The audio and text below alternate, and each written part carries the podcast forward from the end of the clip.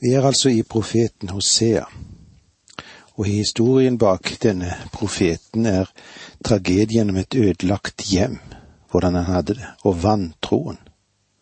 Hvordan det er med vantroen. Han stiger frem fra et ødelagt hjem for å tale nasjonen fra et hjerte som holder på å knuses. Hosea, han visste nøyaktig hvordan Gud kjente det, fordi han kjente noe av det samme. Vi har sett både på hvordan det med hjem og dette med prostitusjon som kona hans var borti, og dette med vantroen. Og så er det en annen synd som kanskje vi som lever ser som den største synd i verden, og det er å synde mot lyset. Å ha lyset fra evangeliet Jesus Kristus og så fornekte det her å synde mot lyset. Jeg må vel medgi at her vil jeg heller stå for Guds trone og dømmes som en avgudsdyrker fra det mørkeste Afrika, enn som et kirkemedlem som stadig hører evangeliet og så har fornektet det.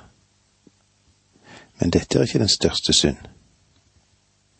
Den største synd i verden er synden mot kjærligheten. Og den er verre enn alle andre og det er det budskapet som Hosea ønsker å bringe oss. Gomer var ikke bare skyldig i å bryte ekteskapsløftet. Det var ille nok. Men hun syndet mot den som elsket henne. Og det er synden på sitt verste. Å synde mot Gud og Frelseren som elsker oss, er verre enn animisme i den hedenske verden. Hedenskapets synd er ikke noe sammenlignet med den synd de begår som synder mot Guds kjærlighet. Den er dypere og mørkere enn den umoral som råder i underverden, og der demonismen råder. Hosea visste hva synd var. Hosea visste også hva kjærlighet var. Synd mot kjærligheten fordyper synden. Israel kjente Guds kjærlighet som ikke noe annet folk kjente den. Israel kjente til hans utfrielse. Israel kjente til hans forløsning, hans beskyttelse, hans tilgivelse, hans åpenbaring og hans kjærlighet. Og likevel vendte Israel seg til de stumme avgudene og ga seg selv til dem. Dette er synden på sitt verste. Men eh, Gud vil ikke oppgi folket. Kjærligheten vil triumfere. La meg få lov til å løfte frem tre vers fra Hoseas profeti som vil fortelle Guds historie. Vi eh, stopper først opp i Hoseas 4,17. Her er anklagen. Efraim er bundet til gudebilder la han bare fare. Navnet Efrem det er synonymt med navnet Israel, og han anklager Israel for åndelig hor. Men legg så merke til den mektige kjærlighetspasjon som du møter i den evige Gud, og som vi finner i Hosea 11,8. Hvordan kan jeg oppgi deg, Efrem, og la deg fare, Israel? Hvordan oppgi deg som Adma, gjøre deg som Sebudjim? Hjertet vender seg i meg, all min medlidenhet våkner. Gud sier at han ikke kan gi opp Israel. Han elsker henne for høyt til det. Og det er årsaken til at han sender Hosea tilbake for å få tak i Gomer, både den andre og den tredje gangen. Han ønsket at Hosea skulle vite hvordan han kjente det i forholdet til Israel. Og til sist så møter vi seieren slik den står i Hosea 14, 9. Hva skal Efraim med avguder mer? Jeg vil bønnhøre ham og se til ham. Jeg er som en grønn sypress, fra meg skal din frukt komme. Det kommer en dag da Israel vil vende om til Gud. Det får oss til å tro at Gomer til sist forandret innstilling og ble en god hustru og mor. Det kan vi ikke være sikre på, men vi kan være sikre på at Israel en dag vil vende om til Herren med hele sitt hjerte. Kan noe av dette vi har vært innom nå, benyttes som en tilpassing på deg og meg? Passer den sjokkerende beskrivelse av åndelig hor den troende i vår tid? Ja, kanskje. Menigheten blir beskrevet som Kristi brud. I 2. Korinterbrev 11,2 står det slik:" Jeg har en brennende omsorg for dere. Jeg har forlovet dere med Kristus og bar med ham, for å føre dere til ham som en ren jomfru og eh, til menigheten i Efesus sa den Herre Jesus, slik som vi òg ser det i Åpenbaringen to, to og fire. Jeg vet om dine gjerninger. Du har arbeidet, og du har holdt ut. Jeg vet også at du ikke kan tåle det onde. Men dette har jeg mot deg, at du har forlatt din første kjærlighet. Det er ikke tilstrekkelig å ha et korrekt samling med læresetninger og en å være aktiv i Kristi tjeneste. Dette er uhyre viktig, og det har, skal ha sin plass, men det viktige og vesentlige er kjærlighet. Har du forlatt din første kjærlighet? Elsker du ham i dag? Navnet Hosea, det betyr frelse. Det er en annen form for Josua som er det hebraiske navnet for den greske formen for Jesus. Menigheten er bruden for den nytestamentlige Hosea, men vår Hosea er knyttet til den åndelige hore. I åpenbaring i det syttende kapitlet, der møter vi et av de frykteligste bilder som vi har i Bibelen. Det personifiserer menigheten og kaller henne for den store skjøge Babylon. Dette er den trend som den organiserte kirke følger. Og hvor mange troende som dekker sin frustrasjon og sin mangel på virkelighet i sitt åndelige liv bare ved å være aktiv. Det er ikke noe annet i verden enn nervøs aktivitet. Dypt der nede i sin egen personlighet kan de ikke redelig si Jeg elsker ham, og jeg er tro mot ham. Med tårer anklager Herren kirken for å være lunken. Må Gud forbarme seg over den mann som er gift med en lunken kvinne. Må Gud ha forbarmelse over vår frelser som knytter seg til en menighet som bare er lunken, og han sier, Jeg skulle ønske at du var enten varm eller kald. La meg få lov til å være litt personlig og spørre deg om ditt forhold til Kristus. Har det oppstått noe mellom din sjel og din frelser? Har det kommet en sky mellom deg og din Gud? Er det noe som formørker ditt liv? Det fortelles en liten historie om Spurgeon som plutselig stoppet midt i gaten. Han krysset, der stoppet han opp og ba. Da han kom over på det andre gatehjørnet, spurte han som var sammen med ham. Hvorfor stoppet du midt i gaten? Og spørsjen svarte. Det kom en sky mellom min sjel og Kristus, og jeg kunne ikke la den forbli der et sekund lenger enn nødvendig. Derfor stoppet jeg midt i gaten. Før den Herre Jesus satte Simon Peter til sin tjeneste, så stilte han med noen ransakende spørsmål. Elsker du meg? Og det er like påkrevd og ransakende nå som det var den tidlige morgenen ved Galileasjøen.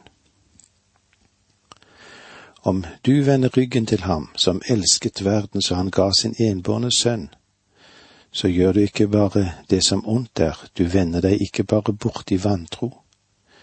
Du begår den største av alle synder.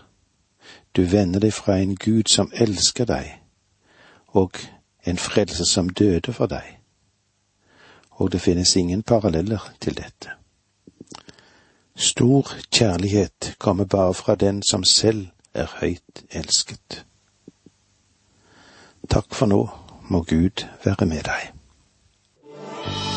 Dette undervisningsprogrammet består av to deler. Åge Nevland fortsetter nå med andre del av dagens undervisning. Vi er i profeten Hosea, og historien bak Hosea sin profetier det er tragedien om et ødelagt hjem, om vantro og lite kjærlighet. Vi skal gå litt videre i det som har med denne boken å gjøre, og vi vil se litt på innholdsfortegnelsen, hvis du klarer å få det med deg.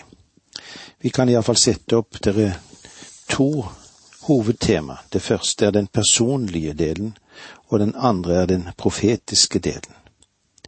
I den, den personlige delen så er profeten og hans hustru er troløse, altså gomer, som vi ser i kapitlene én til tre. Men i det første kapitlet, eller den første delen, det er giftermålet mellom Hosea og skjøgen Gomer. I kapittel to, der vil vi se at Gomer viser seg troløs. Israel er troløs, men Gud er trofast. Og så vil vi se i kapittel tre at Hosea tar Gomer tilbake til seg igjen. Og så har vi den profetiske delen, da. Det går ifra kapittel fire til kapittel 14. Herren og det troløse Israel kan vi kanskje sette som et hovedtema på dette. I kapitlene fire og fem Israel spiller rollen som skjøge. I den andre delen Israel eller Efraim vil vende tilbake i de siste dager og det tredje, Israel, eller Ifraim, kunne unnsluppet dommen ved å vende seg til Gud, som elsker henne, som er i kapitlene syv til tolv. Og i kapittel 13 og 14 så vil Israel, eller Ifrem, vil vende seg fra avgudene til Gud i de siste dager.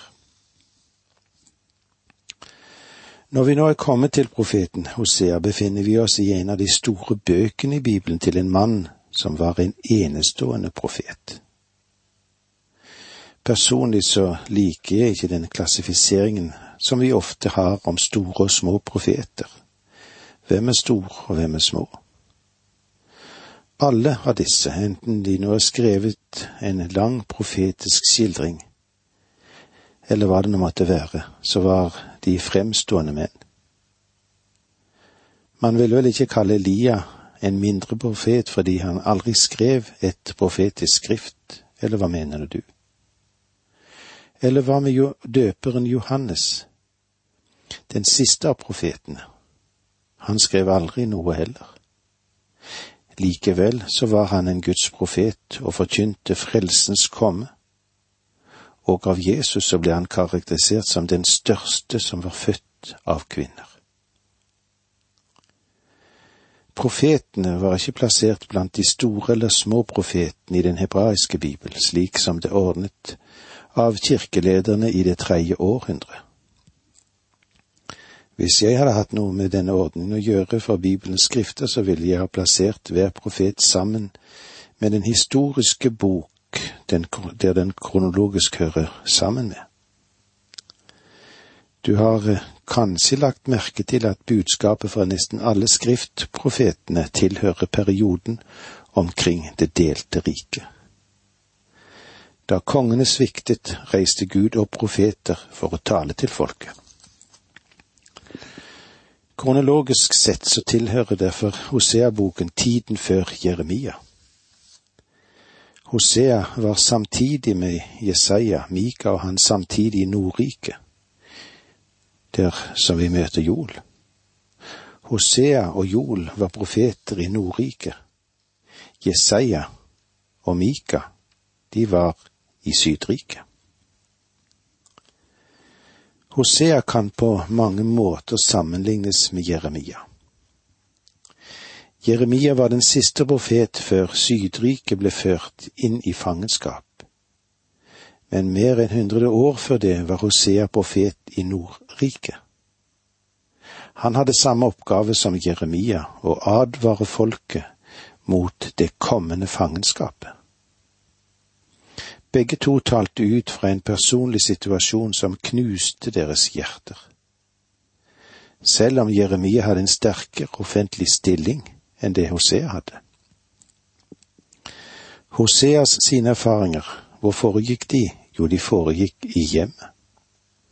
Mens Jeremia sine gjerninger og erfaringer, de foregikk ute blant folket. Jeremia, han elsket sitt folk, og det knuste hans hjerte å måtte gå med et så hardt et budskap som Gud hadde gitt ham. Men Gud valgte en svært ømhjertet mann til den oppgaven. Kanskje Hosea ikke var så ømhjertet som Jeremia.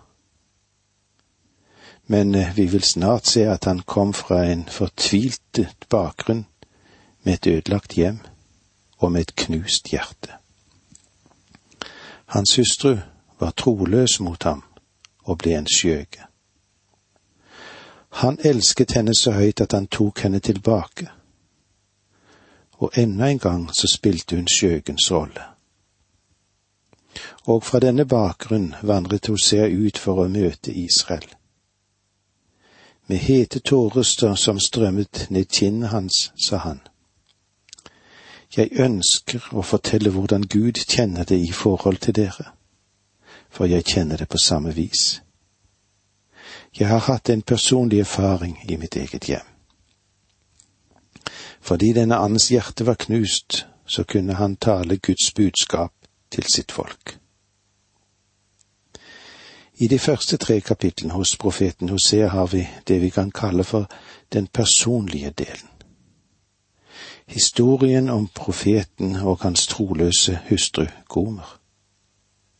Her møter vi òg skandalen i hans hjem og sladderet i landsbyen. Når vi nå går inn i det første kapitlet, kan vi sette som overskrift Hosea gifter seg med skjøgen Gomer. I vers én i Hosea leser vi slik, altså i det første kapitlet. Dette er Herrens ord som kom til Hosea, sønn av Beeri, på den tid da Ussia, Jotam, Akas, Hiskia var konger i Juda, og da Jeroboam, sønn av Joash, var konge i Israel. Ussia, Jotam, Akas, Hiskia var konger i Juda. Dette var kongen i syd under hans funksjonstid. Jeroboams sønner Joash var konge i Israel. Der kunne ikke ha vært noen verre konge enn denne mannen i Nordriket. I vers to i det første kapitlet leser vi slik, da. Da Herren begynte å tale til Hosea, sa han til ham, Gå og ta deg en troløs kvinne og få deg horebarn, for landet er sannelig troløst og følger ikke Herren. I disse profetbøkene som vi nå vil gå inn i, vil jeg av og til trekke frem også det som står i norsk bibel, for å se de forskjellige bibelversene, hvordan de er opp imot hverandre. Og da leser vi det andre verset en gang til ifra denne bibelen. Da Herren begynte å tale til Hosea, sa Herren til ham, Gå og få deg en horkvinne det er altså profetens ekteskap skal være et bilde på Herrens forhold til det troløse, til det troløse Israel. Og horebarn, for landet driver hor og følger ikke Herren. Det Herren sier til profeten er ganske rystende, og mange fortolkere tar ham ikke bokstavelig.